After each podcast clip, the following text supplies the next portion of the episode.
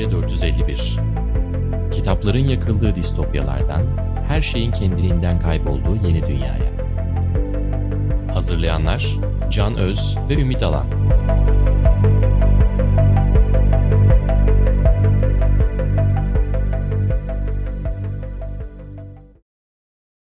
Merhaba, Wiser'ın sunduğu Yeni Meda 451'in son bölümünde ben Can Öz, karşımda Ümit Alan. Bugün artırılmış gerçekliği, namı diğer Augmented Reality'yi konuşacağız. Öncesini konuşacağız, kısa tarihini konuşacağız, nereden geldiğini konuşacağız. Sonra uzun uzun bugünkü ve yarınki uygulamalarını konuşacağız. Giyimde, kıyafette, alışverişte, araçlarda, arabalarda, turizmde, eğitimde, oyunlarda, maç izlerken, kalabalıkta, gazetecilikte, sağlıkta birçok alanda nasıl kullanılacağını konuşacağız. Teknolojilerin durumunu biraz konuşacağız. Teknolojilerin önündeki engelleri ve geleceğini konuşacağız. Ardından risklerini, etik tehlikeleri, fişleme, ayrımcılık, dalga geçme gibi tehlikelerini, hacking tehlikeleri gibi, takip tehlikeleri gibi şeyleri konuşacağız. Ve konuyu daha sonra birkaç küçük ayrıntıyla bağlamayı düşünüyorum. Ümit hoş geldin. Hoş bulduk. Geçen programda biraz fazla sözünü kestiğim için kusura bakma bu konuda sen hiç şikayetçi değilsin biliyorum ama programı ben sonra dinledikten sonra biraz programın heyecanına fazla kaptırdığımı ve seni neredeyse hiç konuşturmadığımı gördüm. Bugün bunu biraz daha az yapmaya çalışacağım. Daha doğrusu bunu bugün biraz daha az yapacağım zaten. Yapmaya çalışacağım nedir? Ne kadar zor olabilir yani. Öyleyse şimdi başlayalım. Bu işin öncesi kısa tarihi nedir? Eğer hayatımıza aslında bir kavram olarak ne zaman ve nasıl girdi Ümit? Aslında AR'ın ilk girmesi, ismi konulmadan önce ilk girmesi diyeyim. Savaş uçaklarıyla başlıyor bu sistem. HUD dedikleri sistem var uçaklarda. Head Up Display'in kısaltılması olarak. 40'lı yılların başına kadar uzanıyor bu. Çünkü savaş uçaklarında şöyle bir şey var. Pilot uçağı kullanırken radar ekranında görüntüyü görürken yani camından görüntüyü görürken gözünü aşağıya indirip de ibrelere bakması ciddi bir dikkat dağınıklığına ve asıl görevden kopmaya sebebiyet veriyor şeylerde savaş uçaklarında. Hı hı. O yüzden e, ek bir ekran olarak gerçek görüntünün üzerine bazı yazılar bindirmek ya da bazı, bazı semboller bindirmek gibi bir teknoloji geliştiriyorlar. Aslında artırılmış gerçekliğe en yakın adı konulmadan geliştirilen teknolojilerden biri bu. Buna da head-up display dedikleri. Şu anda arabalarda bu çok gelişmeye başlayacak. Yani 1940'lı yıllarda savaş uçaklarında başlayan bir teknoloji ancak şu anda kullandığımız arabalara doğru gelmeye başlıyor. Öncesi bu o şekilde başlamış. Çünkü göz hizamızın içerisinde görüntüleri görmek gibi. Ama sonrası da var. Artırılmış gerçekliğin tarihi nasıl gelişmiş? Sensoroma diye bir icat var. 1957 yılında Morton Helling isimli bir görüntü yönetmeni bu sensoromayı icat ediyor. Ama bu mekanik yani bilgisayarla değil görüntünün üzerine sesler, titreşim, koku insanlar izlerken sinemada böyle bir şey yaşadığını düşün, deneyim yaşadığını. Hı hı. Bunlar bir artırılmış gerçekliğin ilk şeyi olarak görülebilir. Sonra 68 yılında Amerikalı bilgisayar bilimci Ivan Sutherland de bir insanların başına takılan bir ekran icat ediyor. Bu da artırılmış gerçekliğe giden yolda çabalardan bir tanesi. 70'te Video Place biçiminde e, Amerikalı bilgisayar sanatçısı Myron Kroger yeni bir sanal gerçeklik arayüzü geliştiriyor 75 yılında. 80'de Steve Mann dünyaya giyilebilir bilgisayar ilk veriyor. İlk giyilebilir bilgisayar örneğini yapıyor. O da sanal gerçekliğe gidiyor ama sonra sanal gerçeklik ve artırılmış gerçeklik isimleri sanal gerçeklik 1986-89'da Jaron Lanier tarafından koyuluyor. Daha sonra 1990'da Boeing'de çalışan Thomas Caudle'da artırılmış gerçeklik ifadesini ilk defa kullanıyor ve bunlar hayatımıza bu şekilde giriyor. Yani 89-90 40'lı yıllardan başlayıp 90'lara kadar giden bir macerası var. Ya biz tabii bu hep tarihin başından beri bunu terminolojik olarak artırılmış gerçeklik diye tanımlamak çok yeni olsa bile Hı-hı. tarihin başından beri bir bakıma toplumda verdiğimiz kavga gerçeği tekrar icat etmek, tekrar evet. tarif etmek. Yani tiyatro tarihinde böyle izah edebilirsin en nihayetinde. Hı. Ve bugüne kadar birçok kurgu çalışma böyle izah edilebilir. Yani edebi eserler içinde bunu söyleyebilirsin. Sinema içinde hatta müzik içinde birçok şey için resimler içinde söyleyebilirsin. Aslında Monet'in eserleri de bir bakıma artırılmış gerçeklik olarak tanımlanabilir bir bakıma ama bugünkü halinde artırılmış gerçeklik dediğimiz şey artık senin HUD örneğinde verdiğin gibi gerçeğin üzerine konulan bir sanal. Yani gerçekle sanalın ayrışmadığı, sanal gerçeklikten de farklı. Sanal gerçekliği gerçeğin kendisiyle bir araya getirmek. İşte Pokemon Go'da gördüğümüz gibi. Telefonunu evet. kaldırıp sokağa bakıyorsun.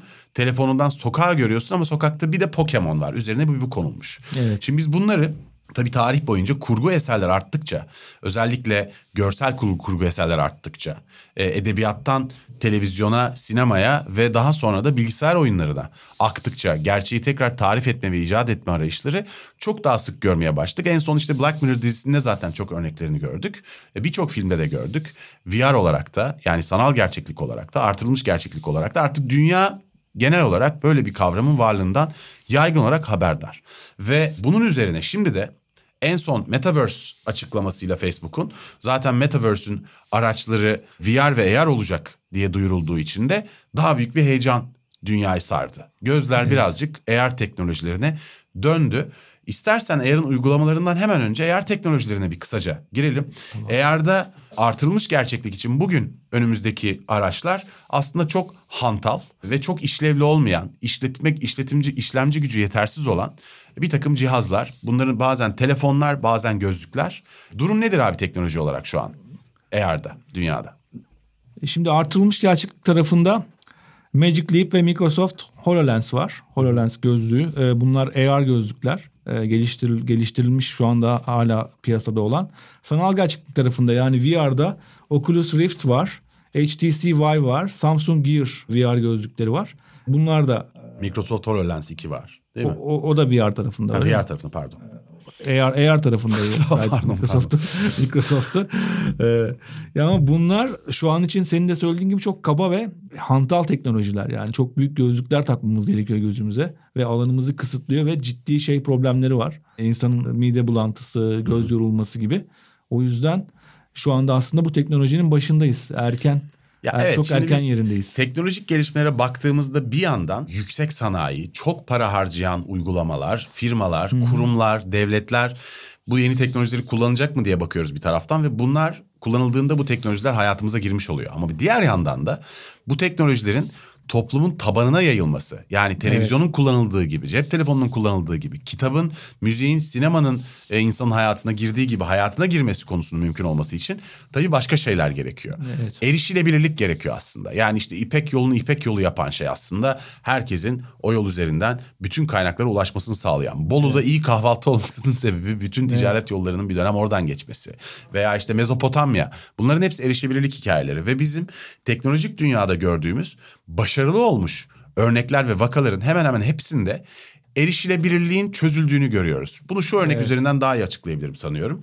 Değişik alanlarda, değişik medya alanlarında elektronikleşmenin başarılı olduğu ve olmadığı vakalara baktığında bunu somut olarak görebiliriz. Mesela müzikte, müziğin elektronikleşmesinde bir cihaza ihtiyacın kalmadı. Zaten cep telefonundan kullanabilir hale geldiğin anda müzik evet. mevcut hayatımızdaki cihazlar üzerinden kullanabilir hale geldiğimizde elektronik olarak tabana tamamen yayıldığını söyleyebiliriz. Aynı şey elektronik filmler için de geçerli. Yani sinemaya Hı. gitmek yerine aslında mevcut televizyon veya mevcut telefon veya bilgisayarından izleyebilir hale geldiğinde otomatik evet. olarak hayatının tamamına girmeye başladı bu. Ancak aynı şey kitapta olmadı. Çünkü kitap için bir ek cihaz gerekiyordu. Yani sadece onu yapmak için taşıman gereken, alman gereken, bakımını yapman gereken, bozulduğunda tamire götürmen gereken, şarj etmen gereken, saklayacak raf, unuttuğunda hatırlayacak yer bulman gereken ekstra hayatına yeni bir cihaz, yeni bir uzuv gerektiriyordu. Ve e-kitap dünyada büyük oranda 2010-2015 arasındaki beklentilerle kıyaslarsam bugünü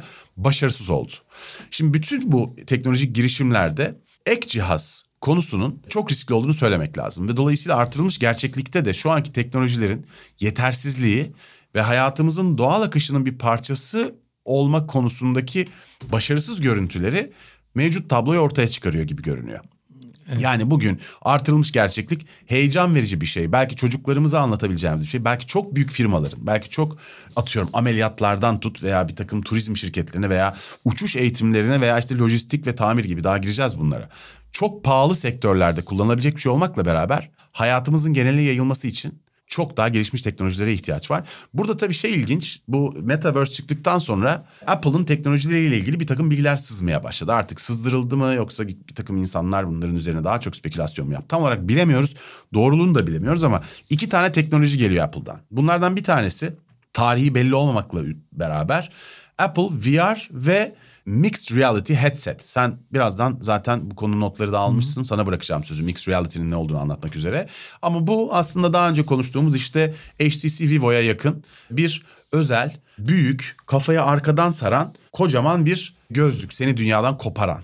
Ama seni dünyadan koparan bir cihazdan bahsediyoruz. Bir artırılmış gerçeklikten bahsetmiyoruz. Ama esas Apple'dan beklenen, Apple'ın yürütmekte olduğu söylenen proje Apple Glass. Epeydir duyduğumuz proje. Çok spekülasyon var. Retina tarama teknolojisinin patentini almalarıyla geçen sene bu spekülasyonlar tavan yapmıştı ve şimdi fiyatla ilgili bir takım tahminler, piyasaya girişiyle ilgili bir takım tahminler, pil teknolojisiyle ilgili ki en tartışmalı konulardan bir tanesi. Pili şarjı sürdürülebilir kılmak çok zor sürekli gözünde olması gereken bir cihaz için. Bir takım tahminler geldi. Fiyat 1000 ila 3000 dolar arası olur gibi bir tahmin okudum en son. Ama yani şunu söyleyebiliriz. Firmalar haldır haldır gerçekten hayatımızın doğal akışının parçası olacak cihaz üretmek için çalışıyorlar. Bunun ne kadar süreceğini de henüz bilmiyoruz gibi görünüyor. 10 yıl tahmin ediliyor. 10 yıl içerisinde bu işin çok daha fazla yaygınlaşacağı tahmin ediliyor ama şunu yanıltmaması lazım. Özellikle ben cep telefonunu ilk gördüğüm zamanları hatırlıyorum. 1900 93 94 yani 90 90'ların e, uydu telefonları ortasına gelmeden sen? hem uydu telefonlar hem de daha sonra 94 95'te artık büyük büyük cep telefonlarını da görmeye hmm. başlamıştık. Ama şu hayali hiç kurmamıştım mesela. Ya çocuktum yani çocuktum dedim liseye falan gidiyordum. Şu hayali kurmamıştım. Şey dememiştim. Benim de bir gün cep telefonum olur dememiştim. Onu iş adamlarına özel, çok işi olan insanlara özel sürekli iş yapan, işle ilgili konuşması gereken insanlara özel. Benim benim beni kapsamayan bir teknoloji olduğunu düşünmüştüm. Evet, tabana yayılmaktan evet, bahsediyorsun evet, değil mi? Şu anda da gözlük için aynısını Çünkü erişilebilir değildi. Evet. E, düşünmüyordum ama ondan sonra Fiyat bir baktım da... 96 yılında benim cep telefonum oldu. Hmm. Sadece 3 yıl sonra yani 96'nın sonlarına doğru Çünkü cep ucuzladı. Oldu. Evet. Çok fazla üretilip dünyanın her yerinde bulunulabilir hale geldi. Arz konu sorunu çözüldü. Ve tabii ki dünyanın her yerinde müthiş bir ihtiyacı da karşılık verdi. Evet ve bir Erişilebilirlik sorunu çözüldü aslında. Hepimizi Televizyon da öyle. İşte şeyler de onu görememiş ya. Türkiye'deki GSM operatörlerine talip olmayan büyük, büyük sermaye de onu görememiş. Ben de görememiştim. Ama benim görmem normal. çok büyük bir sorun Abi değil. ama bak orada Gözlükte senin bir yanılgın de şu anda yok. göremiyorum onu. Yani hiç hiç şu an şey kendimi gözlük satın alacak ve gözlük satın alıp onunla deneyim yaşayacak bir insan olarak görmüyorum ki teknolojiye de meraklıyımdır. Ama herhalde oraya gideceğiz diyorum diye düşünüyorum 10 yıl içinde. Ya bu kadar firma Mecbur bir arada çalışırken erişilebilirlik meselesini çözerler. Bak televizyon evet. da öyle. 1940'larda Farnsworth televizyon cihazını ilk keşfettiğinde bunun dünyaya bu kadar yayılacağı tahmin edilmiyordu. Ama sonuçta Hı-hı. savaşlar, e, evet. haberleşme ihtiyacı derken erişilebilirliği arttırdılar, arzı arttırdılar ve içerik üretimini arttırdılar ve aslında bir 20 yıl sonra dünyanın her tarafında kullanılan bir cihaz haline geldi. Yani bu cihazın evet. ortaya çıkan cihaz bir fikir ile bunun erişilebilir olması iki ayrı konu. Hı-hı. Erişilebilirlik bazen manipülasyon ve müdahale de gerektiriyor zaten. Birçok cihazda bunu gördük yani sübvansiyonlar gerektiriyor, devlet destekleri gerekiyor. Bir takım yatırımcıların belki bir piyasayı ele geçirmek için evet. yapacakları atılımlar belki işte Metaverse üstünden Facebook bir şey deneyecek ama belki Apple Glass başka bir şey deneyecek. Belki başka bir firma yapacak. Ama sonunda zaten artırılmış gerçeklik için değil sadece sanal gerçeklik için de aynı şeyden bahsediliyor. Dediğin gibi 5 ila 10 sene içerisinde işlemci kapasiteleri Hı hı. İşlemcilerin fiyatları gerçi şu, şu an yarı yalıtkan çip teknolojilerinde dünyanın tamamında bir kriz var. Bu nereye götürecek bilmiyoruz. 5G internet aynı zamanda. 5G internet, internet ve arz ve teknoloji evet. desteği çok hızlı büyüyecek gibi görünüyor. Dolayısıyla bu tabii artırılmış gerçekliğin bir noktada erişilebilir, ulaşılabilir olacağını tahmin ediyorum ben de. Bu kadar firma, bu kadar yatırım bunu buraya götürecektir gibi görünüyor. Peki evet. nereye götüreceğini biraz konuşalım. Artırılmış gerçeklik farz edelim ki müthiş gözlükler ürettiler. Apple Glass 1 olmadı. Apple Glass 2. Normal gözlük gibi takıyorsun. Şarjı 48 saat bitmiyor evet. diyelim atıyorum.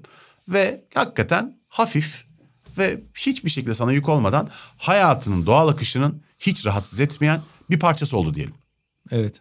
Bu durumda hayatımızda neler değişecek? Hayatımızda bayağı bir şey değişecek. Yani bir defa gerçeklikle ilgili algımız değişecek. İş hayatımız çok fazla değişebilir. Özellikle eğitim alanında çok ciddi ilerlemeler olacak. Ne gibi ee, mesela abi? Örnek örnek konuşalım mı biraz? Yani mesela tıp eğitimi gibi ya da tamir ve bakım gibi, tasarım ve modelleme gibi alanlarda, iş lojistiği alanlarında ciddi ihtiyaç var ve şu anda kullanılan teknoloji aslında bu. Mesela bir nakliye şirketinin deposunda işçilerin lenslerinde ya da gözlüklerinde bütün deponun içerisindeki her şeyi gösteren bir şey olduğunu düşünelim. Eğer teknolojisi olduğunu düşünelim. Yani bir şeyi araması gerektiğinde baktığında onun nerede olduğunu görebilip gidebiliyor. Yani herhangi bir kurum içi şeyle o o alanda özellikle tıp eğitiminde yani riskli bir eğitim çünkü cerrahi eğitim damarları görmek, şeyleri görmek, anlatmak, gerçekçi bir şekilde anlatmak yani kadavra incelemesinden belki de bir, bir noktada kurtarı o ihtiyacı azaltacak. Bak, sağlıkta ben bir şey buldum. Sağlıkta eğitimde. çok ilginç. E, mesela bu şey Russo Lin- Linares'in ortağı Natasha Russo sağlık firmalarına teknolojiler geliştiren bir firma. Ortaklarından Russo diyor ki onun öngörüsüne göre tabii uzun yıllar sonra ameliyatlarda doktorlar hastanın vücuduna eğer üzerinden kesitli notlar bırakabilecek diğer doktorlar ve daha sonraki ameliyatlar için. Ayrıca MR, CAT scan süreçlerinde üç boyutlu olarak çıkartılmış vücutta ameliyat öncesi vücudun üstüne bilgisayarda bırakılan notlar veya organların kesilebileceği yerlerle ilgili izler ameliyat sırasında doktorun kendi gözlüğünden de görebileceği şeyler olacağı için organın tam neresi kesmesi, neresini kesmesi gerektiğini, ne kadar kesmesi gerektiğini bileceğinden çok daha küçük kesiklerle çok daha verimli operasyonlar yapabilecek, tehlikeli yerlere dokunmaktan kaçınabilecek. Hatta ve hatta hastanın hastanın vücudunun içine tabii sanal olarak kendi gözlüğü üstünden daha sonra doktoru için, hastanın kendisi için ameliyatın tarihçesini, iz dökümünü ve kendi notlarını bırakabilecek diyor.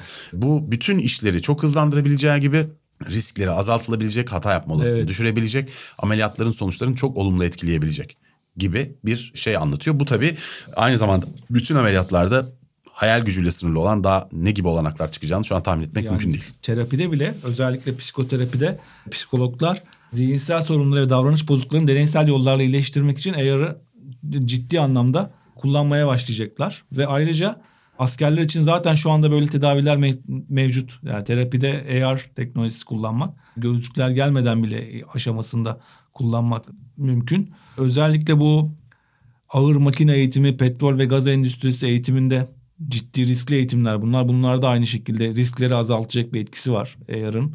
Çünkü baktığında şey özellikle tamir ve kullanım kullanma kılavuzu olayında çok ciddi bir ilerleme sağlayacak. Ya değil mi? Yani biz baktığımızda bir cihaza bütün kullanma kılavuzu bizim gözlüğümüzde ya da şu an telefonumuzun ekranında gözlüksüz e, ortamda onu onu göre- görebileceğiz yani. Mesela nasıl çalıştırmam gerektiğini şu anda en sıkıldığımız şeylerden bir tanesi şey o karınca doğası gibi yazılmış küçük küçük doğa yazılmış kullanım kılavuzlarına bakmak onu onu çözebilecek.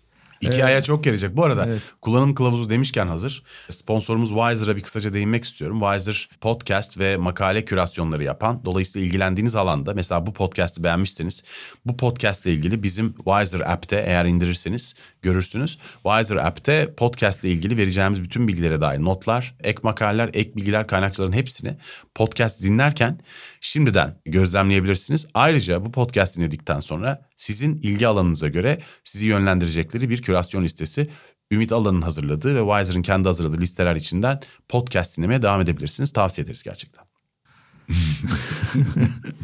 Yani zaten şeyde diğer tarafından devam edecek olursam Abi bu kullanım kılavuzları üstüne bir küçük şey vereyim mi? Alışverişlerde kullanım kılavuzlarından sonra gelen şey. Mesela Pottery Barn şöyle bir plan yapıyor. ABD'li ev eşyası ve beyaz eşya, beyaz eşya değil, ev eşyası firması. E, çok güzel şeyleri vardır hakikaten ve çok büyük bir firma, çok meşhur. Siz kendi boş evinizi, evinizi gezerken artılmış gerçeklik gözlüğü üzerinden onların ürünlerinin herhangi birisini elinizle işaret ederek evde istediğiniz yerlere koyarak nasıl duracağını, nasıl bir yer işgal edeceğini görerek oradan gözlük üstünden deneyimleyerek alışveriş yapacağınız bir sistem geliştiriyor. Bunun gibi aynı zamanda alışverişte bir takım dükkanlar artırılmış gerçeklik aynaları üretiyorlar. Aynalarda şu siz alışverişe gidiyorsunuz ve aynanın önüne geçiyorsunuz. Bunu bir takım filmler ve dizilerde de görmüşsünüzdür zaten. Bunun bilim kurgu örneği olan bir takım şeylerde. Önüne geçiyorsunuz. Sizin oradaki kıyafetlerin her birini üstünüzde gösteriyor. Berbere gidiyorsunuz. Aynada saçınızı görüyorsunuz gibi acayip acayip uygulamalar. Yani gözlüksüz bile aslında Evet. karşınızdaki aynada sizin yansımanızın üzerine koyulan görüntülerle artılmış gerçeklik karşınıza çıkabilecek gibi görünüyor. Bunun gözlükten bir sonraki aşaması kontak lensler ki onlar için de bazı patentler olunuyor, bazı çalışmalar yapılıyor. Yani Gözlüğün pilini halledemeyenler kontak lensi nasıl halledecekler hakikaten? bilmiyorum ama lensle ilgili bayağı bir tahmin ve öngörü Tamam. okudum. Bu Sanıyorum bu konuyu bölmek gibi olacak ama Evet. kısaca şunu söylemem lazım. Dünyanın insanoğlunun bütün bu elektronik teknolojilerdeki gelişimindeki korkunç darboğaz pil meselesi ya. E, Şu an elektrikli mesafe otom- kat edemiyoruz gerçekten. iç- için yüzünden bile aynı şey yaşanıyor Aynen. ama belki de enerjiyi insan vücudundan alacak. Hmm. Ya pil konusunu çözememek bizi hayallerimizin çoğunun gerisinde bırakıyor. Uzaya gitmek, başka gezegenlere gitmek de içinde geçerli bu. Araba içinde geçerli, cep telefonları içinde geçerli. Tabii ki bununla beraber artırılmış gerçeklik cihazları içinde geçerli. Yani pil konusunu çözersek eğer artırılmış gerçeklik çok fazla şey değişiyor zaten. Yani hayatımızın çok yerine değişiyor. Lens'te, Lens'te hele artık iş daha da gelişmiş olacak. İşte yayından önce de söylemiştim. Yani şu şöyle şeyler öngörüyorlar. Mesela karşı komşum evini boyadı. Ve benim hiç sevmediğim bir renge boyadı. Ve ben her gün evden çıkınca onu görürüm de pencereden bakınca onun evinin o sevmediğim oktan rengini görüyorum. İşte AR teknolojisiyle o evi başka bir renk görmeye Abi başlayacak. senin- senin- Kontak lensi. Senin Lensi. vizyonunu seveyim Ümit ya. Benim vizyonum değil bu öngörüler içerisinde okudum. Abi karşındaki evin rengini beğenmiyorsan hayal ettiğin şey evin rengini değiştirmek mi? Evin yerine okyanus görsene. Yok, o da o, o çok kopartıyor artık. O sanal Ha, gerçeklik. sen ila komşunun O- mimarisine saygı duymak O, istiyorsun. o VR o VR oluyor artık. Doğru. Yani VR'la yarın farkı da bu aslında. VR tamamıyla farklı bir Hayır şöyle yaparsın. Okyanusta Evet. komşun yüzüyor olur. Yine Al VR. sana artırılmış gerçek. Yine VR. Donuyla yüzüyor olur hem de. Çok daha heyecan verici değil mi? Hayır aslında bu VR oluyor işte senin söylediğin. Doğru. Çünkü VR'la yarın farkı da bu. VR tamamen sahte bir dünya yaratıyor. AR'da bizim dünyamızın içerisine bir şeyler Şeyi e, öngörebiliyorum. Gerçeklikler giriyor. Birkaç sene sonra bu tür gelişmeler olduğunda sana bir takım insanların bu özellikle tuhaf televizyon kanallarına davet edip hocam bu VR mı AR mı diye size program yapmak istiyoruz diye seni davet edeceklerini tahmin ediyorum. Çünkü kesinlikle bu konularda danışılacak insan olacaksın gün geçtikçe daha fazla diye tahmin ediyorum. Hocam bu VR mıdır? AR mı? AR mıdır? Bizi bir aydınlatın lütfen. İşte zaten ikisinin bir araya girmiş olması da XR yani genişletilmiş gerçeklik oluyor. Bütün bu teknolojileri AR'ı, VR'ı, MR'ı Sence kamuoyu dediğimiz hep oya, tabana yaymaktan bahsediyoruz. Hep konu oya zaten. Yani bir takım Evet. heyecan verici teknolojiler ne güzel işte gadgetlar, oyuncaklar çok zenginler alıyor. Belki biraz daha az ama yine zenginler alıyor. Büyük firmalar kullanıyor. Ama televizyon gibi, telefon gibi, araba gibi tabana, temele yayılması mümkün mü diye konuşuyoruz. Tabana yayılması için tabii bütün bu terminolojilerin yaygın olarak bir adı olması gerekir diye düşünüyorum. Bu kadar terminolojiyi dünyaya anlatmak kolay olmayabilir. Televizyon ilk çıktığında da vardı aslında. Birçok farklı cihaz adı vardı ama televizyon Evet. kaldı sonra. Hı hı. Bugün de öyle. Smart TV var, ekran var, dev ekran var, curve var, uydu Evet. yayını var, broadcasting var. Televizyon diyoruz hepsine. Evet. E, bunun adına ne diyeceğiz sence? Var mı bir tahminin? Bence XR olacak. XR. Genişletilmiş gerçeklik. Yani çünkü hepsini kapsıyor. VR'ı da, AR'ı da, diğerlerini de bir gerçekliğin üzerine yeni bir katman çıkartmak. Hepsi birbirinin içerisine geçtiğinde bö- böyle bir şey olabilir. Yani Ya- ama söylediğimiz gibi de gerçekleşmeyebilir tabii. Ben XR olacak diyorum. Başka bir konuda Başka fikir AR. AR da kalabilir. Ya bu şeyi bölmek istemiyorum. Bu daha hangi alanlarda neler olacak bende de bir sürü not var. Sende de var biliyorum. Onlara devam ederiz ama şey konusunda fikrini merak ediyorum ya. Şimdi var ya bu hep işte Z kuşağı işte ah ne kadar farklı işte dijital doğanlar zaten Evet. internette başka bir kimlik oluşturdular falan filan çok uzak geliyor. Genel olarak Z kuşağından önceki kuşaklara. Şimdi Z kuşağına da eğer artırılmış gerçeklik bundan 10 sene sonra hakikaten yaygınlaşırsa Z kuşağının çocukları da Z kuşağına çok yabancı gelecek muhtemelen. Değil mi? Evet. Yani tamamen sanal bir dünyada. İşte biz Twitch'te ne güzel kendi aramızda emojilerle idare ediyorduk. Bu ne ulan diyen sürekli söyleyen Z kuşağı hayal edebiliyorum şimdi de. Şey ne diyorsun hakikaten? Sence bundan sonraki kuşaklarla bizim aramızda artık iyice kopma olmayacak mı? Yani beni çok ürpertiyor bir taraftan bütün bu hikaye. Sen nasıl hissediyorsun bu gelişmeler karşısında kendini? Yani bir şekilde Heyecanla anlatamam bu duyguyu yani. Korkuyorum bütün bu gelişmelerden. Sen ne hissediyorsun? Bende tam bir korku yok. Merak var. Sürekli daha fazlasını görebilir miyim acaba diye. E, ama bazı şey bazı deneyimler de çok tuhaf geliyor. Mesela yine bu bu teknolojilerin içerisinde e, bir takım kitler geliştiriliyor. Kuş gibi uçma deneyimi yaşatıyor. Yani hem gözlüğü takıyorum hem de vücuduma bir cihaz bağlıyorlar ve ben kendimi uçuyormuş gibi hissediyorum. Şu an bana çok uzak geliyor bu. Ama belki de bir başkası için, çocuklarımız için daha farklı gelecek. Abi zaten bak bütün bu gerçekliği çoğaltma, zenginleştirme, geliştirme, tekrar icat etme çalışmalarında biz farkındaysan aslında hep iki duyu üzerinden bunu tarif ediyoruz. Yani göz ve kulak üzerinden tarif ediyoruz. Bir üçüncü duyu dahil edemiyoruz. Yani teması, tadı vesaire dahil edemiyoruz hiç. Bunları dahil edemediğimiz için aslında sanki göze fazla yükleniyoruz gibi geliyor bir taraftan da bana. Hani bu en nihayetinde bir şey hep vardır ya bu sanal gerçeklik gözlüklerini taktığında. O temasın yokluğu senin gerçek bir yerde olmadığını o kadar net bağırıyor ki sana. Evet. Onu işte bir takım ekstralarla biraz daha gürültüyle belki çözmeye çalışıyorsun. Sinema bunu en iyi çözen örnek olabilir. Kap karanlık bir yerde bırakarak seni ama. Sana da öyle geliyor mu hiç? Biraz göze fazla yükleniyoruz. Göze fazla yükleniyoruz. O da zaten isyan ediyor. Özellikle bu VR kulaklarında. Bu arada Bütün teknolojik gelişimimizin yükünü göz üzerine odaklamak yine o da bir darboğaz değil mi yani? Ne düşünüyorsun bu konuda hakikaten?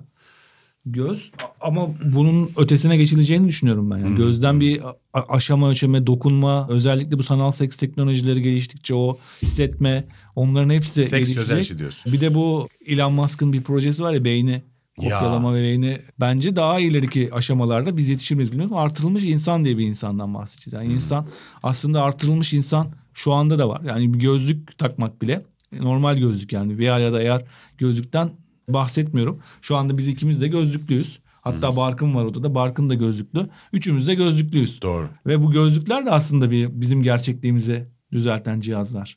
Yani şey çünkü daha iyi görüyoruz. Uzağı göremezken gözümüzün öyle bir şeyi yokken ya da yakını göremezken daha iyi görüyoruz. Aslında bu da Toparlanmış gerçeklik. e, toparlanmış gerçeklik ve şu anda şöyle gözlükler de yani biz hep VR gözlüklerin şeyinden zararlarından yani insanın midesini bulandırmasından, gözünü ağrıtmasından, yormasından bahsediyoruz da retinanın gördüğü bir alana gerçek dünyanın yani göz görme bozukluğu olanlarda daha ileri görme bozukluğu yani körlüğe yakın görme bozukluğu olanlarda retinanın gördüğü alana gerçek dünyanın görüntüsünü yansıtan bir teknolojinin patenti yani öyle bir teknoloji üzerine çalışılıyor şu anda. Otomatik portakal. Yani şey normalde görmeyen bir insan ya da çok az gören bir insan bu e, teknolojiyle bir anda Ha görmeye şimdi anladım. başlayacak. Görme e, abi bu çok ilginç. Görme, Gerçekten görme duyusunu geri kazanacak. görme zorluğu olanlar veya iki gözünde görme Evet. uyumsuzluğu olanlar adını hatırlamıyorum şimdi. Hı bunu. hı. Renk körlüğü olanlar en nihayetinde Evet. sensori bozukluklar yüzünden göremeyen veya az gören veya zor görenlerin görme tecrübesini arttıracağı ve güçlendireceği söylenen araştırmalar var ve bu gerçekten müthiş.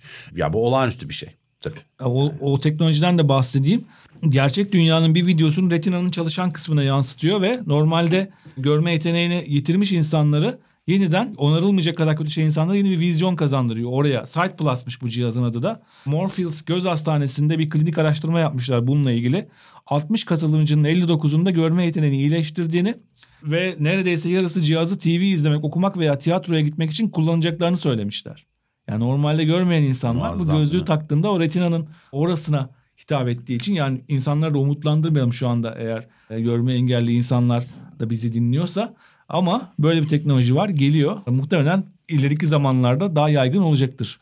Bu da aslında VR'ın başka bir açısı. Tabii sporda spor ve birçok izleme, canlı izleme eylemine çok gireceği söyleniyor. Yani mesela Evet. sporda e, yapılan araştırmalar var ki NBA buna benzer bir çalışmayı zaten e, sanal gerçeklik üzerinden de yapmıştı. Ama çok daha yaygın olarak tribünde maç seyrederken sanal gözlüğünüz üstünden bu biraz antipatik de olabilir bazıları için ama sporcuların üstünde, etrafında, altında, sağında, solunda elinizle işaret ettikçe açıp kapatabileceğiniz şekilde canlı istatistikler, canlı bilgiler, futbolcunun üzerine elinizle dokunduğunuzda onun sporcu geçmişi, önceki maçlardaki tarihi gibi aslında sizin dünyadaki tüm verilerle yaşadığınız şeyi ilişkilendirebileceğiniz tecrübelerden bahsediyoruz. Hatta bundan daha fazlası bütün bu süreçlerin gerçek hayatın interaksiyonunun artmasından. Söz gelimi Evet. işte bir stand-up gösterisinde aslında espriye like veya dislike atmak gibi bir şeyden bahsediyoruz. Veyahut da bir oy verme sürecinde canlı işte katılanlar katılmayanlar oy birliğiyle karar verilmiştirin. Evet. Biraz daha e, tek, elektron, elektronik olmasından bahsediyoruz. Hayatın her yerine istenmesi halinde dünyanın tüm verilerini ve bir interaksiyonu sokabilecek bir teknolojiden bahsediyoruz. Bunun tabii bir diğer etkisi de haliyle sosyal medyaya. Bugünün sosyal medyasını biz telefonumuzu el, cebimizden çıkarıp baktığımızda eski günlere göre çok daha fazla süre kullanıyoruz doğru ama geleceğe göre çok az kullanıyoruz gibi görünüyor. Veyahut da bilgisayarımızı açtığımızda bilgisayarımızda tabler arasından onu seçtiğimizde ve baktığımızda görüyoruz. Evet. Ve bir de cep telefonumuza gelen uyarılarla görüyoruz. Eğer biz gözümüze taktığımız gözlük sosyal medyaya bağlıysa günün her anında sosyal medyadan gelen bütün uyarılar ve bütün mesajlar hayatımızın doğal akışının bir parçası olacak demektir. Evet onunla ilgili de çok büyük riskler var aslında. Eğer e, standartları iyi şey yapılmazsa, ayarlanmazsa. Louis Rosenberg bu artırılmış gerçeğin mucitlerinden biri. Yani erken aşamada artırılmış gerçeklikle ilgili teknik ilerlemelerde çok ciddi katkısı olan bir insan Louis Rosenberg. O eğer sosyal medyada bu iş yaygınlaşırsa eğer yani adam bu işin mucitlerinden biri yaygınlaşırsa diyor ki bu çok tehlikeli olabilir. Yani bir, bir sonraki aşaması. Zaten bu işlerin içerisinde olan insanların bir süre sonra endişelenmeye başlaması beni çok korkutuyor. Biraz önce Jaron Lehner'dan bahsettik. O da sanal gerçeklik ismini sözcüğünü ilk kullanan insan. Terminolojik olarak Evet, ilk kullanan bir evet, de. Bir insan evet. uydurma sözcük değil hakikaten bir terim olarak hayatımıza sokuyor sonuçta. O Jaron Lehner'a şu anda baktığımızda insanlar onu şu anda söylediğim şeyden sonra birçok kişi gözünde canlandıracak. Bu Netflix'teki Social Dilemma, sosyal ikilem belgeselindeki o rastalı arkadaş diye tarif edersem. Çünkü sosyal medyaya karşı bir e, argümanı var şu anda. Sosyal medyanın insanlığı ne kadar tehlikeli bir yere götürdüğüne dair çok ciddi gözlemleri ve çalışmaları olan, TED konuşmaları olan bir insan. Öyle bir insan bile bu şeyin için işte Louis Rosenberg de diyor ki bu diyor birazcık şeyi anlat, hatırlattı bana anlattıkları Black Mirror'daki o sokakta bakıyorduk insanların sosyal puanları vardı ya Çin'de Evet, de evet. uygulanıyor. Yani distopik bir yürüyüş yapabilirsiniz diyor mahallede. Eğer şeyle giderken yürüyorsun gözlüğün gözünde bakıyorsun bir insana üzerinde alkolik yazıyor. Bir tanesinde göçmen yazıyor. Bir tanesinde ateist yazıyor. Bir tanesinde ırkçı yazıyor. Yani onunla ilgili veriyi topladığı için sistem ve onun da onda da gözlük olduğu için gözlükler birbirleriyle etkileşim kurduğu için eğer sen parayla satın alabileceğin bir uygulama bunu sağlayabilir sana diyor. Yani o insanın daha fazla verilerini veya bir şeye gittik, alışverişe gittik. Tezgahların karşısında duruyoruz. Eğer internetten alışveriş yapmayacaksak tezgahlar bizim bir önceki alışverişimizi, hangi renklerden hoşlandığımızı, bedenimizi gözlüğüyle hiçbir başka bir dünyada ne yapması lazımdı? İşte e, ismimizi öğrenip sosyal medyadan bakıp birazcık tarama yapması lazımdı onun için. Bizi yani şey diyoruz ya stalkerlık diyoruz ya o stalkerlığı hiç yapmaya gerek duymadan yapılabilecek şeyler geliştirilebilir ve gerçekliğin ortadan kalkması ile ilgili bir riski olabilir diyor Louis Rosenberg. Diyor ki öyle bir sanal gözlük üretilir, üretilir ki diyor yani yoksulları görmezsiniz diyor. Lense geçtiğinde gözlüğe geçtiğinde öyle bir katman olur ki Pat küt birilerine evlerini, yolda. evsiz, evsiz barınakları sanal duvarların arkasına saklar ve sen hiçbir şey görmezsin diyor. Bu Brezilya'da bazı caddelerde olduğu Evet. gibi değil mi? yani şunu da değinmiş. Mesela tamam gözlüğü çıkartırım, lensi çıkartırım. Görmek istemediğin hiçbir şeyi görmeyeceksin. Evet. O neyse. Kimisi için Evet. yoksullar, kimisi için zenginler bile olabilir. Bilmiyorum. Başka bir süre. Ve görmek istediğin her şeyi göreceksin.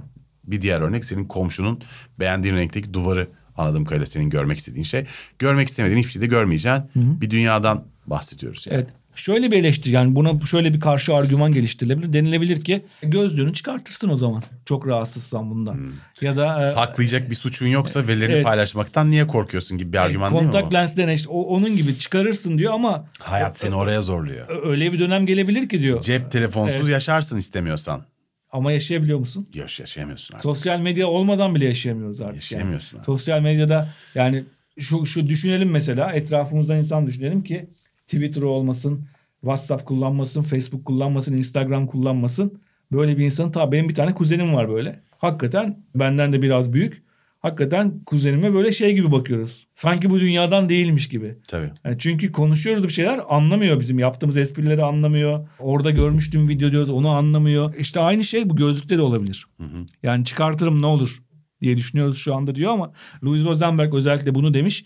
Yani teknolojiler böyledir diyor. Bir anda benimsersiniz ve sonra bir anda parçası olur. Yani hep şey diye alıştıra alıştıra girer. Telefon kullanmam, kapatırım. Bildirimlerimi kapatırım. Artık çıplak gezmek, Buraya- gezen buraya bir toplumdan evet. giyinerek gezen bir topluma geçmek gibi bir şey bu. Bir saatten sonra o toplumun dışına çıkma olasılığın azalıyor gittikçe. Tabii ki e, şeyler var, vakalar var ama çok azlar. İster istemez toplum Yani- bizi buraya sürüklüyor. Burada Irkçılıkla ilgili özellikle çok şey olabilir. diye. ırkçılıkla ilgili ne olabilirmiş abi?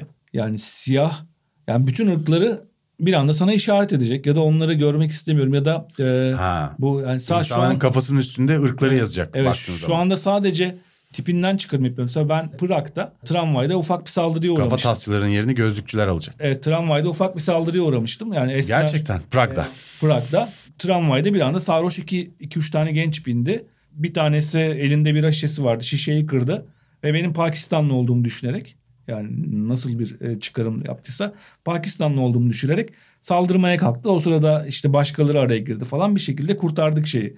E, yani çok büyüme, büyümedi olay ama İğrençmiş. Pakistanlı olduğumu söylüyorum. Ha, çok bunu, geçmiş olsun. Bunu sadece tipime olarak, tipime bakarak bu çıkarımda bulunuyor Tabii. e, şeyden ama gözlüğü taktığında eğer O zaman gözlüğünü senin gerçekten Pakistanlı olduğunu Evet, anlayacaksın. gerçek Tü- Türk'üm ama Pakistanlı olsaydım gerçekten fark etmez Paki olduğunu Pakistanlı, görecek. Türk her Evet. toplumdan her ırktan nefret Çünkü eden es- insan her esmer yerde olduğunu var. düşünüyor. Esmerse Tabii. Pakistan şu anda Tabii tabii. bu bu senaryolarda ciddi yerlere gidebilir. O yüzden etik temellerinin çok iyi inşa edilmesi gerekiyor bunun doğru böyle bir şey olmayacak. olayın. Ne? Etik temelleri tabii ki inşa edilemeyecek. İlk anda Abi biz şu an iki tane web sitesinde ayrı tabde açılan sayfada yürüyen Facebook vesaire gibi düz sayfada ya yani A4'ün ekran halinde çalışan bir takım sistemlerin veri güvenliğini, etiğini falan idare etmeyi hiç beceremeyen bir şeydeyiz, gerilikteyiz. Bunun üstüne bir de herkesin gözünün içine hücresel olarak ona münhasıran gönderilecek olan görüntülerin başka kimsenin göremeyeceği şekilde ve dünyadaki bütün verileri canlı olarak streaming anında hepsini iç içe işleyerek insanla paylaşabilecek olan bir sistemin güvenliğini Evet. sağlamaya ne kadar adayız sence? Evet yani? çok zor. Bir de hele ki bunun yine Ya bu, öyle bir gidişat yok. Hiç yok yani. bu kadar büyük merkezi ölçek ölçek olarak merkezi yapılar bunu inşa ederse bu metaverse dediğimiz şey ya da bu teknolojileri inşa ederse bu verilere sahip olan yapılar bunun Geçen programda Şey, biraz anlatmıştım ben. Facebook'un anlattığı tarzda Metaverse'ün gerçekleşeceğini hiç zannetmiyorum ama işte bu programda da göründüğü gibi Metaverse hikayesinde yani birleşik tekil bir Metaverse'e hiç katılmamakla beraber Metaverse hikayesini oluşturan parçaların her birinin ayrı ayrı gerçekleşeceğini düşünüyorum ve burada AR teknolojilerinin ne kadar gelişeceği çok belirleyici olacak şüphesiz. Evet. Ya özetle ama AR teknolojilerinde şunu söyleyebiliriz. Yani Apple Glass'te de görüyoruz. İşte bin dolar mı, üç bin dolar mı olacak? İşte yok gözlük, e, işte sonar tarayıcı olacak mı? Bir sürü şey konuşuluyor ama. Ya işletim sistemleri gelişecek. İşlem, işlemci kapasiteleri gelişecek. Bunlara dair hiçbir şüphemiz yok. Pil konusuna dair büyük bir belirsizlik var. Burada şunu somut olarak söyleyebiliriz sanıyorum. Pil konusu çözülmezse bu iş olmaz abi. evet pil, Öyle görünüyor. pil ve aynı zamanda ekranda da aynı şey var. Pardon ekran diyorum işletim sorunu işletim sistemi hem batarya hem işletim sisteminde şu anda problem İşletim var ama pil daha büyük. abi. Pil daha büyük bir problem. Pil zaten şu an otomobilde bile büyük problem. Tabii. Çünkü onda da bu kadar yavaş ilerlemesi nedeni ama orada hızlandı. Burada niye hızlanmasın? Valla dua ediyorum çözemeyelim pil sorununu bir taraftan biliyor musun yani. Gözlüklerin ergonomisi bir yandan gelişiyor. Tabii. Şu anda çok şey sistemler, hantal sistemler. Geliştiriciler hazır değildi ama geliştiriciler için şu anda bayağı bir hem Google'ın hem Apple'ın geliştirici kitleri piyasada ve geliştirici kitleri bu yıl özellikle SDK'ları çok mi? şeydi. Evet. Yazılım geliştirme kitleri. Evet, kullanıcılarda henüz bir talep yaratılmış değil ama kullanıcılar e, bir talep onlar zaten bununla ilgili yani pil gelişirse, donanım gelişirse, platformlar gelişirse tabana yayılabilir. Ama eğer pil gelişmezse de belli uygulamalarda kullanılacağına şüphe yok. Bunlardan mesela Evet. biraz önce birkaç tanesini saydık işte diyelim sanal aynalar üzerinden kıyafet deneme vesaire Evet. gibi pille alakası olmayan şeyler bunlar. Mesela turizmde e, çok ciddi gelişmeler söz konusu olabilir. Bu tabii turizmde bindiğiniz bir otobüste otobüse bağlı bir gözlük pilini de oradan çeken bir gözlüğü orada takabilirsiniz. Şehri gezerken o gözlük üstünden baktığınız her yerde üstünde adı altında bilgileri tarihçesi vesairesi yazabilir. Siz eğer ki gözünüze takıp bununla gezebilirseniz yeni gittiğiniz bir yerde o gözlük size hakikaten etrafınızı tanıtabilir. Belli turlar ayarlanabilir. Dolayısıyla turizmde çok bilmediğiniz yerlerde çok kullanışlı olacağı öngörülüyor. Bunun dışında tabii ki şey saymıyorum. Savaş teknolojilerinde hala çok kullanılıyor. Tasarım dünyasında çok kullanılacağından bahsediliyor MIT. Yani Evet. bir tasarımcının yapacağı tasarım hakikaten gerçek mekanlar üzerinden çalışarak sanal bir çalışma yapabileceği gibi örneklerden bahsediliyor ama bütün bunlar bir kenara bugünlerde bu tarihlerde bir teşebbüs oldu. Sen bundan bahsetmiştin. Brennan'ın bahçesi Evet. bir ölümde kullanıldı değil mi?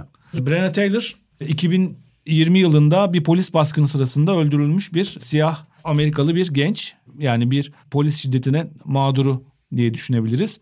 O öldükten sonra arkadaşları hem onunla ilgili yası tutmak hem de onurlandırmak için bu Brennan'ın Bahçesi diye bir AR üzerinden bir anma platformu kuruyorlar. Bunu indirdiğiniz zaman telefonunuza, telefonunuzu evinizin etrafında dolaştırıyorsunuz toplam AR şeyinde. Bir anda Brenna evinizin bir köşesinde sizinle konuşmaya başlıyor.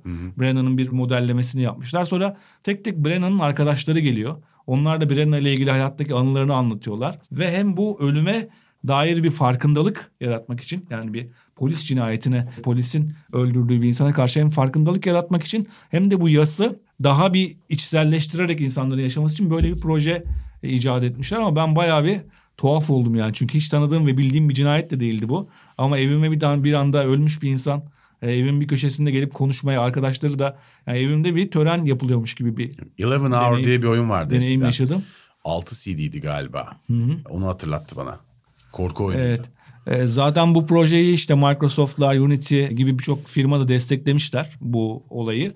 Bir bahçe bu aslında bir bahçesi dediğimiz o kuşlar uçuyor, çiçekler, böcekler böyle bir cennete cennetten konuşuyormuş Ya tabii bir birinin sistem. ölümünün arkasında insanlar yas tutuyor ve bunların nasıl Evet. yas tutacağına dair ne söylemek tabii benim ne haddime. Ama diğer yandan da işte gelecekte ölümlerle böyle yüzleşileceğini görme fikri beni esasen çok ürpertiyor. Ama bunlar kimi ürpertiyorsa kimi ürper- ürpertmiyorsa da tabii burada biraz duyguları bir kenara bırakıp nelerin olacağına bakmak lazım. Senin en çok üzerine yazı yazdığın çalıştığın alan aslında hem sosyal medya ve yeni teknolojiler ama diğer yandan da gazetecilik. Gazeteciliği nasıl etkileyeceğini bekliyorsun Ümit? Gazeteciliği etkileme kısmı bir gazetecilik, gazeteler şu anda fotoğraf ve video üzerinden ve yazılım metin üzerinden gazeteciler çalışıyorlar ama şu anda insanların gözünde canlandıramadıkları şeyleri canlandırmaları konusunda bu teknolojiler özellikle gözlüğün yerleşmesinden sonra çok belirleyici oluyor. Şu anda üşeniyoruz. Şu an Washington Post'un sayfasında falan hakikaten bazı VR uygulamaları, AR uygulamaları var gazetecilik açısından da ama bakmıyoruz. Ama ilgi çekici bir şey oldu. 2018 yılında Pulitzer ödülü bir yazılı bir haber için değil bir sanal gerçeklik deneyimi için verildi. Bir dalda ve- verilmesi bu yönden oldu. O da ne yapmışlardı? Şimdi Trump sürekli ABD Meksika sınırında bir duvardan bahsediyordu ya bir duvar olacak bir duvar yapacağız artık göçmenler gelemeyecek diye. Ve bu gazetecilik deneyiminde gazeteciler bu duvarı nasıl görüneceğini Trump'ın yapacağı duvarı Trump yapsa ne görüneceğini. Evet nasıl görüneceğini, bu duvarın neye benzeyeceğini, gelecekte nasıl görünebileceğini, tepeden yanına gittiğimizde nasıl bir şey olacağını yapan bir raporlama Ve yani oradan bunu. kaçmaya çalışan mültecilerin de neyle karşılaşacağını tecrübe etmemizi mi Ha, sağlıyor evet. aslında? Bir e, hem onu anlatmak hem hem haberini yapıyor ama haberini Çok gör- ilginçmiş hakikaten. böyle bir deneyimle besliyor. Bu sanal gerçeklik içerisinde görüyoruz. Orada geziyoruz yani. Bu AR değil. Bu VR teknolojisi. Yani Tabii. gerçek bir dünya var orada. Biz gidiyoruz duvarın yanında dikiliyoruz. Berlin duvarının yanında dikilen bir insan gibi. ER'cı VR'cı hoca Ümit. Yani gazeteciliğe de girecektir. Bu gazetecilik için çok şey olur. Yani bir anda bir savaş deneyimli mesela Ya ortasında yaşatabilir. Hem VR'da hem VR'da. Var zaten öyle örnekler. Ama şu an kimsede gözlük olmadığı için ya da gözlük çok az olduğu için bunlar gelişemiyor ama bu da bir sosyal medyada gelişir. bahsettiğimiz şeye de biraz e, eklemleniyor değil mi? Yani sosyal medya içerikleri değil aslında. İnternetteki tüm canlı ve ani oluşan içeriklerin gözlük üzerinden anında senin hayatının parçası olmasından bahsediyor. Evet. Bu tabii haberlerin hepsinin de insanlara ulaşımını ve ulaşım hızını çok etkiliyor değil mi? Haberin tüketilme hızını, insanlara varma hızını çok kısaltıyor. Bu süreyi Evet. çok kısaltıyor galiba. Evet hele ki dezenformasyon her zaman da şey yalan yalan haber ya da yanlış bilgi. Dezenformasyonun yayılması. en büyük silahı ulaşabilme hızı galiba değil mi? Evet çünkü yalanlar her zaman çok daha çekici ve altı kat daha hızlı yayılıyor gerçeklere göre. Ve teknoloji de daha hızlı yayılmaya müsaitliği arttırdıkça dezenformasyonun etkisinin arttığını varsayabiliriz. Bu durumda aslında bu yeni teknolojiyle haberlerin çok daha hızlı ulaşabileceği bir ortamda dezenformasyonun da çok daha hızlı yayılabileceğini varsayabiliriz. Şeyi düşünsene sosyal medyanın işlerinin nasıl olacağını öyle bir halde. evet. Bir ya. buçuk saniyede olup bitebilir. şey e, gözlük üzerinden. Ve bu arada mı çok sürpriz bir şey oldu. Facebook şey dedi. Bir oyun yaptı. Ben yüz tanıma uygulamasını bırakıyorum dedi. Evet. Genellikle fotoğraflarımızı tanırdı ya. Mesela seninle ikimizin fotoğrafını koysam ben seni etiket, etiketlemediğim halde e, Can Öz'ü etiketlemek ister misin diye soruyordu Facebook. Ve Ondan elindeki- vazgeçtiğini söyledi. E, ve elindeki tarihçe de biriktirdiği yüz tanıma verilerinin tamamını da yok edeceğini açıkladı ayrıca. Evet ama bir yandan da bir şey yapıyor. Tevzu yok eder mi sence Ee, hakikaten? Belli olmaz belki. Hem Meta ile etmiyor hem de zaten bir orada bir hafif bir kelime oyunu var. Bunun üzerine Ya. de gittiler. Meta için kullanıp kullanmayacağını söylemiyor. Söylememiş. Facebook'ta artık kullanmayacağım diyor yani o bildiğimiz Anladım. Facebook'ta. Ama Meta'da kullanır. Orada geliştirmekte kullanmaya devam edecektir. Çünkü onunla ilgili bir taahhüt vermemiş zaten. Ama bir yandan da bir PR yapmış olduğu böylece. İşte Metaverse ne kadar tehlikeli diye biz tartıştık ya seninle de geçen hafta tartıştık. Geçen bölümde tartıştık. İnsanlar tartıştılar. Onun öncesinde de bir yüz tanıma verilerini yok ediyorum diyerek böyle bir PR çabasına girişiyor. Çok Tabii yani şey. Zuckerberg'in artık öyle bir izi var ki doğruyu söylese inanmamız mümkün değil neredeyse öyle bir durum da var. Ama bu sosyal medya ve büyük big data'yı kontrol eden insanlara güvenmemek, şüpheci yaklaşmak hepimizin sahip olması gereken bir refleks diye düşünüyorum bugün Evet. yaşananlarda.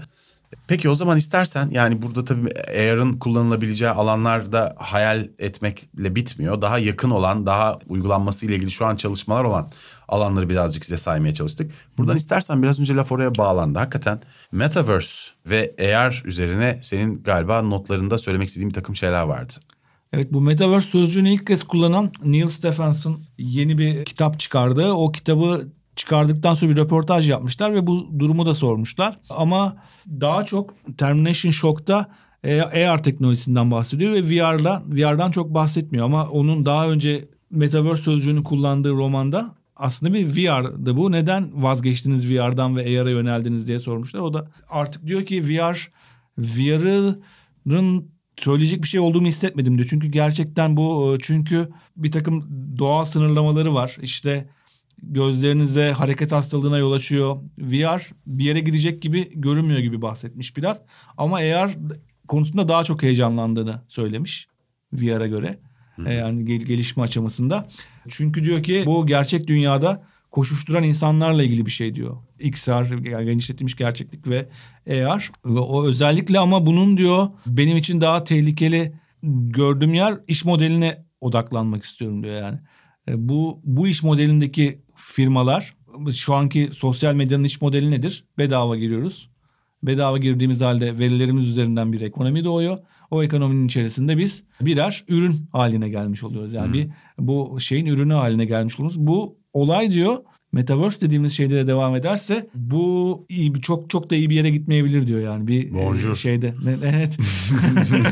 yani iş modeline baktığınız zaman bu patlar diyor. Evet. Bu arada iş modeli demişken Genesis'te eğer VR geliştiricisi Simon Wright'a göre iş yerlerinde performans analistleri, süpervizörler ve yöneticiler artık gözlerinde baktıkları insanın performansını onlara söyleyen gözlüklerle gezecekmiş ve insanların tepesine iyice bineceklermiş. Buna ne diyorsun? Çok mümkün. Yani bu, korkunç değil bir taraftan. Yani, yani bir anda bugün kaç tane mail cevapladı diye gözünde görecek. Yani. Tabii tabii ve o, bakarken 100 tane mail yanından geçerken görecek. Yani. Yani bu, bu herif bugün e, molada şu kadar vakit geçirdi. Üstünde böyle orada kır, gittikçe kırmızılaşacak mesela performansına göre falan. Ya yani, korkunç şeyler. Korkunç önceden, değil önceden şey vardı ya iş yerinde özellikle reklam ajanslarında internetin ilk yaygınlaştığı yıllarda ben girmiştim. E işte patron arkamızdan geçecek sendromu vardı böyle. Yani ekranımızda hmm. ne olduğuna bakacak. Şu anda Yok. hiç öyle bir... Korkunç, korkunç İK'cılar e, doğuracaktır bu. Eğer dinliyorsanız Gülçin Hanım, sizi kastetmiyorum. E, Gülçin Hanım kendisini biliyor. Sözüm Melis'ten dışarı. İK, e, bütün performans değerlemesini... Ama geleceğin İK'cıları e, bugünkü İK'cılarla ilgili söylenen olumsuz şeyleri unutturacak e, olanaklara sahip olabilir gibi görünüyor. Evet. Peki o zaman programın sonuna doğru gelirken AR'ın rakamsal geleceği ve rakamsal potansiyeliyle ilgili de senin bir takım notların var Ümit. Nasıl görünüyor? Ee, şu an AR ve sanal gerçeklik için yani e, AR ve VR için dünya çapında yapılan harcamalar e, bu yıl 12 milyar dolar gibi görünüyor şeyde. 2024'te bunun 72.8 milyar dolara çıkması düşünülüyor. Yani kat kat artıyor ve kullanımın da buna göre artması planlanıyor. Ve dolaylı yatırımların da çok daha fazla olması Hı. bekleniyor ayrıca. Yine 2025 yılına kadar yine bir raporda Amerika'da yapılmış bir raporda yaklaşık 4.3 milyar küresel tüketicinin AR'ı sıklıkla kullanacağı tahmin ediliyor. Şu anda Hangi bir, tarihte bu bir tahmin ediliyor? 2025'te. 2025 Çok erken değil mi bu ya? Yani dünyanın yarısı AR kullanacak. Ama şu bunda herhalde gözlükten ötesini kastediyor. Yani şu hmm. an telefon ekranlarımızda da AR var ya ya da kullandığımız ha, küçük ha, anladım. teknolojileri var ya. Anladım, anladım. Şu an o bir buçuk milyar En ilkel örneklerini evet. katarak tabii. Hepsini kattığımızda bir buçuk an, milyar kişi kullanıyor muymuş? Gerçekten? Şu an bir buçuk milyar kişi AR'la tanışmış ve kullanır halde. Çok enteresan. 2025'te bu diyor ki 4.3 milyara varacak. 2025'e kadar en çok video oyunları alanında birinci sırada video oyunları alanı var. Bu teknolojilerin e, artırılmış gerçekliğin gelişmesinde 11.6 milyar dolar gibi. İkinci sırayı sağlıkla ilgili uygulamalar tahmin ed- alıyor. 5.1 milyar dolar gibi bir şeyde. Of. Üçte mühendislik, dörtte canlı eventler. Daha sonra video entertainment. Emlak sektörü onu izliyor. Perakende, askeri ve eğitim derken yani şu anki çizgisiyle gidiyor. Şu anda da en çok video oyunlarında kullanılıyor. 2025'e kadar da burada gelişecek. Ve böylece yavaş yavaş hayatımıza girecek. O zaman Ümit çıkmadan son bir konuya evet. daha değinelim istersen. E, vaktimizi de tam tüketmemişken Hı. buna da yerimiz var. Evet. Abi artırılmış gerçekliğin insan davranışlarına etkisi ve insan evet. psikolojisine etkisi ne olabilir gelecekte gibi görünüyor. Şu anda onunla ilgili erken araştırmalar var. Jeremy Balance'ın Stanford Üniversitesi'nde bununla ilgili 2000'li yılların başından beri çalışıyor. Ki zaten Jeremy Balance'ın şeyi de bulan, daha önce gündeme gelen Proteus etkisini de ilk araştırmalarını yapan bir insan. Proteus etkisi de şu. Bizim kullandığımız avatarlar e, çevrim içi hayatta ve oyunlarda daha sonra avatarın avatar hangi avatarı kullandıysak o avatar bizim davranışlarımızı da değiştirmeye başlıyor. Avatarı kullandığın süre boyunca mı yoksa Yok. hayatının geri kalanında mı? Avatarı kullandıktan sonra hayata geri döndüğünde gerçek hayata davranışlarında da avatarına ilişkin değişiklikler Sanal oluyor. gerçeklik hayatın geri kalanına sızıyor Evet, yani. bunu 2007'de Proteus etkisini ilk tespit etmiş Jeremy Bailenson. Şu anda da aynı araştırmacı yine Stanford'da şey üzerine çalışıyor. Artırılmış gerçeklik ne etki edecek insanlara diye. Bulduklarından bir tanesi şu yaptığı araştırmalarda Aslında Proteus'un kim olduğunu da söylemek lazım. Çok ilginç. yani Proteus bir Yunan tanrısı ve çok şekil değiştiriyor. Böyle bir yeteneği var. Sürekli kendi şeklini değiştiren bir şey. Proteus etkisi de işte o Yunan tanrısına atıf olarak sen de avatarını değiştirdikçe kişiliğinde de bazı değişiklikler oluyor diye. Bunu daha önce Bu AR'da... kalemun karakter dediğimiz. Evet. E, Bunu AR'dan önce sanal dünyada tespit etmişti Jeremy Bailenson. Şu anda da AR üzerine çalışıyor aynı şekilde. E, Bu sefer yaptığı şeylerde mesela önce AR cihazıyla insanları fiziksel bir dünyaya sokuyor. AR cihazlarına gözlükleriyle bakıyorlar. Herkesin gördüğü bir görüntü var ve sandalyelerde insanlar oturuyor. Sonra gözlükleri çıkardıktan sonra insanlar daha önce AR gözlüğüyle bir sandalyenin üzerinde insan varsa yani orada insan varsa o, o sandalyeye oturmamışlar. Defalarca tekrarlamış bu şeyi. İnsanlar sanal bir kişinin oturduğu sandalyeye de sanki orada gerçek bir insan varmış gibi oturmamaya başlamışlar. Yani o aradaki gerçekliğin geçişi Gerçeklik abi bak bu zaten bana en ilginç gelen bu. Yani hani biz hazır mıyız acaba bu teknolojiye falan? Şundan değiliz sonucunu da çıkarabiliriz bence. Hı hı. İnsanlık olarak bildiğimiz kadarıyla yazının bulunduğu tarihten daha eskisine de dayanan bir noktadan itibaren gerçekliği sormaya, sorgulamaya, tarif etmeye çalışıyoruz. Yani Sokrates'in büyük konuşmasından Plato'ya, Aristo'ya daha yakın tarihe gelecek olursan yani klasisizme, romantizme daha sonra ilerlersen işte de kartezyen düşünceye, Sartre'a, uzay, dünya, ruh, gerçeklik nerededir, kimdir görebildiğimiz çevremizin gerçekliğini tarif etmek için 3000 yıl uğraştık. Ve tam bir yere varmış gibiyken bu sefer yepyeni bir gerçeklik e, icat etmeye başlıyoruz. Gerçek Evet. gerçekliği değil aslında uydurulmuş bir gerçekliği gerçeklik. Evet. bünyemizin tamamıyla yaşayacağımız bir yeni dünyadan bahsediliyor. Bu 5 sene, 10 sene, 50 sene, 100 sene bilmiyoruz ama Evet. işte gidişatın bu yönde olduğu söyleniyor. E buna tabii ki hazır değiliz. Yani bunu bunun felsefi temelini, bunun sosyolojideki, psikolojideki etkilerini, bunun dünyanın tamamına nasıl anlatılacağını ve nelere dikkat etmemiz gerektiğini keşfetmemiz için bundan önceki tarihimize bakacak olursak e bir 3000 yıla ihtiyacımız var gibi görünüyor. Hadi bilemedin 100 ama yakın tarih için çok hazırlıksız olduğumuz muhakkak çok hızlı gelişiyor çünkü. Evet. Yani bir başka çalışmada da şu görülüyor. İnsanlar gerçek bir dünyada seni izleyen biri olduğunda kolay görevleri tamamlıyorsun ama zorlu görevlerde birisi izlerse mesela ben birisi yazı yazarken arkamdan bakıyorsa yazıyı yazamam. Rahatsız olurum. Psikolojide de bunun bir tanımlanması varmış. Yani kolay görevse insanlar izliyorsa olsa da yapıyorum.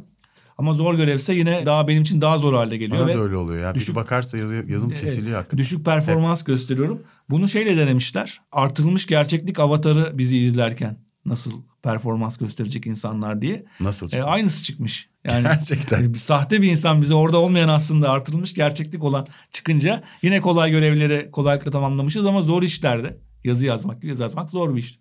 Yani yaratıcılık gerektiren bir iştir ve düşük performans göstermişler şeyde o ikinci e, zor görevlerde. Mehmet yani Barlas öyle düşünmüyor gerçi yazı Ne? yazmakla ilgili. Neyse tamam devam. kim? Mehmet Barlas. O, ona bakın ben birisi izlerken yazamam arkamda birisi varsa. Birçok kişi zaten bunu yapamaz ama kalabalık bir odada kulaklığımı takıp da birisi beni izlemezken yazabilirim. Yani burada siz kendi aranızda konuşurken ben yazı yazabilirim. Kimisinde de böyle etkileri. Daha konuşacak çok şey var. Çok geniş bir Evet. dünya ama pil teknolojilerini izlememiz gerektiği konusunda şüphesiz ki mutabız. Ee, Ve sağlıkla ilgili kısmı. sağlıkla ilgili kısmı Yani zaten şey o lojistik, mide eğitim, bulantısı şey. Büyük e, tabii şüphesiz Evet. doğru söylüyorsun. Şey o işlemci ve gözümüze gelme arasındaki Evet. lag gecikme konusundan bahsetmiştik VR'da da. Bunları izleyeceğiz. Önümüzdeki senelerde tekrar bu konuya dönebiliriz. Tekrar işleyebiliriz. Evet. Çok gündeme gelecek. E, gittikçe daha çok üzerine konuşulacak bir konu olduğuna şüphe yok. E, öyleyse bitirmeden hemen izleyicilerimize şunu söyleyelim. Wiser'ın, sponsorumuz Wiser'ın aplikasyonunu indirip hem bu podcast'te anlattığımız her şeye dair kullandığımız kaynakçalara ulaşabilirsiniz. Hem de bu podcast dinledikten sonra ilginizi çekebilecek diğer podcastlere oradan sizin için özel hazırlanmış kürasyondan ulaşabilirsiniz. Wiser'a da sponsorluğu için teşekkür ediyoruz. Ümit zor bir bölümdü çünkü çok teknik ve teknolojik Evet. bilgi içinden nasıl toparlarız diye düşünmüştük. Ee, Bence yine tam toparlayamadık. Biraz orada buraya daldık ama e, benim için çok keyifli bir sohbet oldu. Çünkü çok ilginç, çok merak uyandıran bir konu. Sosyolojisinden psikolojisine, teknolojisine, bütün dünyaya, siyasetine, dünyanın her tarafını ilgilendiren bir şeyden bahsediyoruz. Evet. Merakla izleyeceğimi kesin olarak söyleyebilirim. yani. Kesinlikle e, bizim podcast, podcast'imizin çerçevesi yeni medya. Yeni medyanın her alanını Her etkile- alanını, her alanını etkileyecek bir teknolojinin ayak sesleri ve yapılan tahminlerde 10 yıl içerisinde bir anda içerisinde bulabiliriz kendimizi. Yani şu anda İşte kimse bu- hayal edemezken Tabii. bir gözlük almayı Yani bu özellikle telefon cihazlarında, MP3 dinleme cihazlarında, padlerde, laptoplarda falan aslında Apple'ın yaptığı devrim niteliğinde şeyler vardı. Son birkaç yıldır Evet. devrimleri pek göremiyoruz ama Apple eski Apple mı? Merakla bekleyeceğiz. Apple Glass nereye götürecek işi diye. 2023 sonunda belki çıkar diye bekleniyor. Belki daha da gecikir bilemiyoruz ama e, bir takım firmalardan gelecek teknolojiler bir noktada bizi şaşırtacaktır. Apple'ı ben merakla bekliyorum yani ne bir çıkaracaklarını anda çok merak ediyorum. geçebiliriz yani çünkü Küt diye dokunmatik telefonu çıkarttılar ve her şey değişti çünkü. Evet ondan önce de dokunmatik telefon vardı ama Evet. çok kullanışsız bir şeydi. Bir anda şey aldı. Şu anda da VR gözlükleri, AR gözlükleri var. Çok kullanışsız şeyler. Çok kullanışsız. Ee, insan takmak istemiyor. Ama 5 dakikada değişir bütün işler. 5 dakikada değişmişler. Evet. Ağzına sağlık Ümit. Öyleyse bu programı kapatalım. Sevgili dinleyiciler, Wiser'ın sunduğu Yeni Medya 451'in artırılmış gerçeklik bölümünün sonuna geldik. Bir dahaki bölümde görüşmek üzere. Hoşçakalın. Hoşçakalın.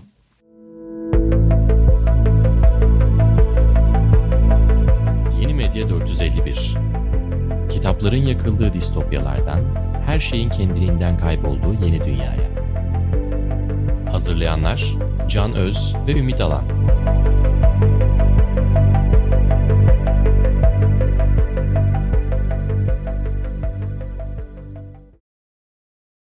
Merhaba.